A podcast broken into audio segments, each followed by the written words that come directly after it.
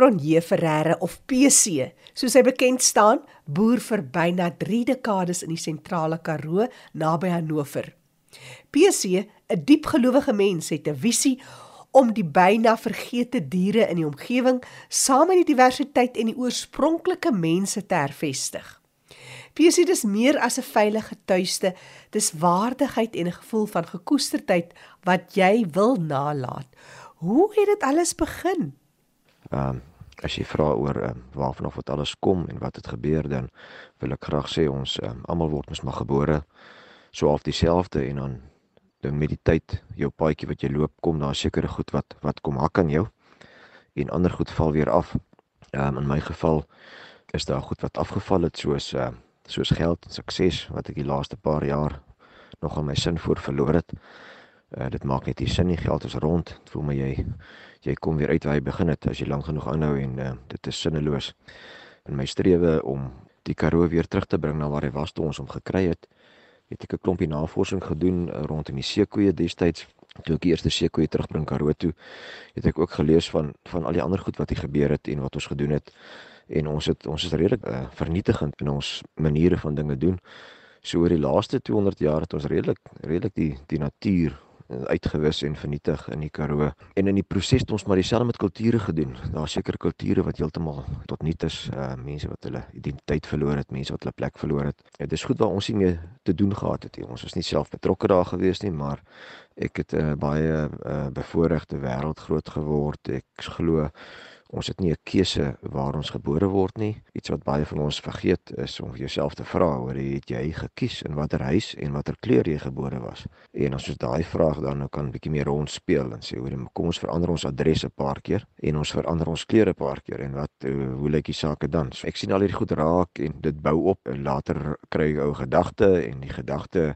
vorm tot dit in 'n in 'n projek onaard en dan op 'n dag dan spreek jy die projek en jy sê vir iemand wat jy graag wil doen en die oomblik as jy dit doen, dan begin dit goed manifesteer en dan sien ek dat die wêreld honger is vir 'n bietjie positiwiteit en die oomblik as jy voel jy wil 'n verskil maak en 'n bydrae lewer, dan kom daar 'n klomp mense na jou toe en 'n klomp organisasies kom na jou toe en vra vir jou wat en hoe. Die feit dat ons die sekoe teruggebring het, Karoo baie jare terug het vir my 'n klomp inligting uh gebring wat ek raak gelees het rondom gemeenskappe en dan die laaste jaar of 2 het departement van toerisme en ekonomiese ontwikkeling in die Noord-Kaap vir my gevra of ek dalk wil kyk na die area en kyk of ons toerisme kan in die area inbring.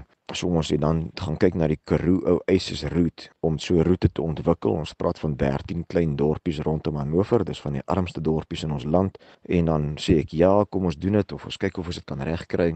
En baie vinnig kom jy agter dat hierdie dorpies ehm uh, baie groot probleme het. Jy kan nie 'n toerist in so 'n dorpie inbring as daar nie water en elektrisiteit is nie. Jy kan nie 'n toerist inbring as daar nie ehm as daar 10 straatkinders kom bedel by die deur as hulle die aand jou venster uitslaan nie.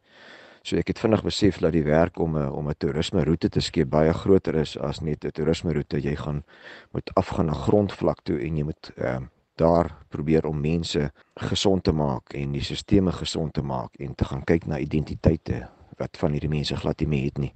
In kort is dit waarvan af uh, dit kom en dan wil ons graag kyk na Safehouse, 'n huis van veiligheid waar ons mense eerstens net mense se lewens red en hulle aan die lewe probeer hou. En dan in daai proses kan jy dan nou vir die ou 'n uh, skill gee. So ons praat van 'n skill training sentrum. Dit is 'n opleidingsentrum wat ons na kyk. Dit is in basiese uh, vaardighede rondom landbou en dan nou toerisme. So dis die twee sektore wat ons na kyk. Dis maar die bedryf in ons area in die Karoo. Dis of landbou of toerisme en dan net om vir ou basiese sertifikate gee. Sê jy kan 'n bed opmaak of hy kan 'n telefoon antwoord. Gee so 'n bietjie menswaardigheid, gee 'n bietjie van 'n skill of hy kan ehm um, ten minste 'n lammerooi oppas of 'n trekker bestuur of hy weet hoe om 'n perd te versorg of 'n beeste te melk. So ons dink aan heeltemal 'n basiese opleiding wat uh, vir mense regtig op die grondvlak uh, kan begin um, help en verander. Wie sê jy praat van drie vlakke van ontwikkeling. Wat is al in plek en sal dit kan slaag?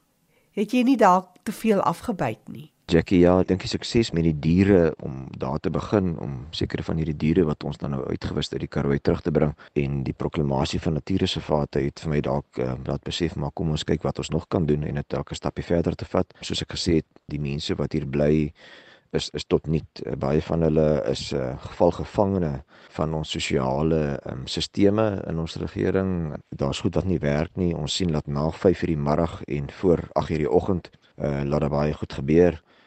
So alles wat ons doen, ons graag saamwerk met met die regering. Ons wil graag nie nuwe goed begin nie. Ons wil net kyk waar daar waar daar gaps is en daai gaps vul.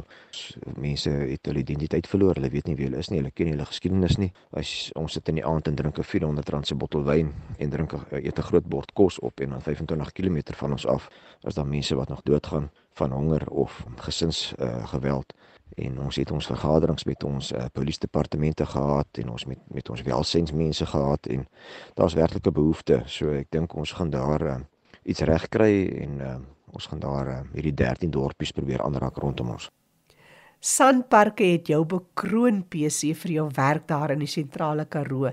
Wie is van die rolspelers en hoekom is jy so vasbeslote dat die projek gaan werk? Hoe sal mense die suksesse kan meet? Uh, Jackie ja, ja ek is ongelooflik geseënd. Ek het 'n ongelooflike netwerk van mense om ons. Ons het in ons lodge in die gastehuise sit ek so 4000 mense 'n jaar deur en soveel mense wil graag help en interessant dat dat ons nou nie tweede beste kry nie. Daar word vir my die beste in die land gee om mee te werk. Baie groot voorreg. Wat conservation betref in Noord-Kaap natuurbewaring in die regering. Hulle is my baie goed gesind. Ek is hulle sekerlik goed gesind. As ek dink aan die departement ekonomiese ontwikkeling en toerisme wat baie goed is vir my dis maar samewerking met hierdie mense. Ons almal het dieselfde het dieselfde visie, ons het dieselfde mikpunte, ons wil dieselfde goed bereik. Op persoonlike vlakke en besigheidsvlakke is daar organisasies ons doen nou 'n voorlegging aan Cape Nature Connect, 'n nie regeringsorganisasie in die Kaap wat moontlik betrokke gaan raak met die opleiding. Ek ken goeie mense in Endangered Wildlife Trust ook by die WWF World World Wildlife Foundation. Ek het toegang tot baie van hierdie mense en baie van hierdie besighede. Ek dink aan professor Les Underhill, the BDI, hy's die Biodiversity and Development Institute. So ons het hierso 'n um, akkommodasie gekry gebou en en 'n navorsingsstasie gebou vir op tot 20 studente toe. Ons wil dit in op drie verskillende vlakke uitrol. Dit is 'n uh, wetenskaplike studies op natuur en dan ook besigheid. Ons het nog al 'n model ontwikkel hierso waar ons voltyds flat out boer en dan ook dit op natuurreservate doen. Ons bewaar sonder dat ons voedselsekuriteit verloor. Ons produseer niks minder as ons normaal sou produseer het nie. En dis 'n belangrike model. Gewoonlik as jy kyk na reservate en parke dan dan word daar niks geproduseer nie. So as jy um, te veel van die een het, dan verloor jy van die ander een. As jy net boer, dan kan jy groot skade aan die in die stelsel aan die natuur aanrig. So die model en die in die visie en die droom is om dan nou modelle te skep waar jy voltyds kan boer, genoeg kos produseer vir die nasie, maar ook dan nou na die natuur omsien. Dit is 'n goeie besigheidsmodel wat ons wat ons bou en dan wil ons ook kyk na sosiale uh, wetenskappe. So op daai drie vlakke wil ons studente van universiteite van om die wêreld inbring. Ons het op die stadium 3 studente by ons wat reeds betrokke is. Ons eerste sosiale studies begin vroeg volgende jaar. Ons baie opgewonde daaroor. So daar's werklik 'n klomp uh, goeie en bekwame mense wat hulle self onvoorwaardelik offer en aanbied om te help. Al hierdie goed is nog in baba skoontjies. Dis baie van dit is nog gedagtes en drome, maar ons is ons is definitief besig om te manifesteer en goed is besig om te gebeur.